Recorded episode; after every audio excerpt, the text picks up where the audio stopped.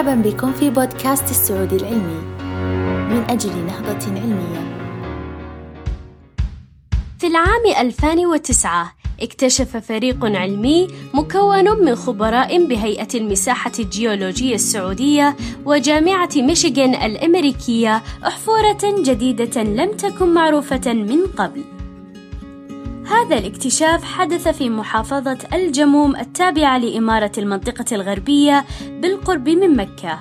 وقام الفريق بإطلاق اسم سعدان الحجاز أو سادانياس هيجازنسس على هذه الأحفورة. يقدر عمر تلك الأحفورة بحوالي 29 مليون سنة ويعتقد العلماء أنها لأحد أجداد فصيلة القردة العليا أو الكاترينيات ذوات الأنف المستقيم وتكمن أهميتها في أنها تعود لفترة من الزمن تعتبر فقيرة بالأحافير.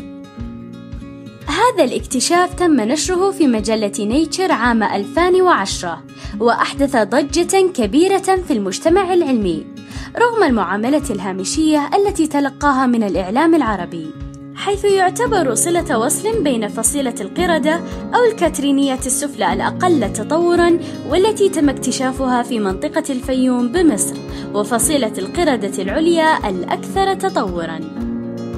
يذكر أن أحفورة سعدان الحجاز محفوظة في قسم الأحافير بمقر هيئة المساحة الجيولوجية بمدينة جدة، وينتظر أن تكون مفتاحًا لعدد كبير من الاكتشافات المشابهة في المنطقة.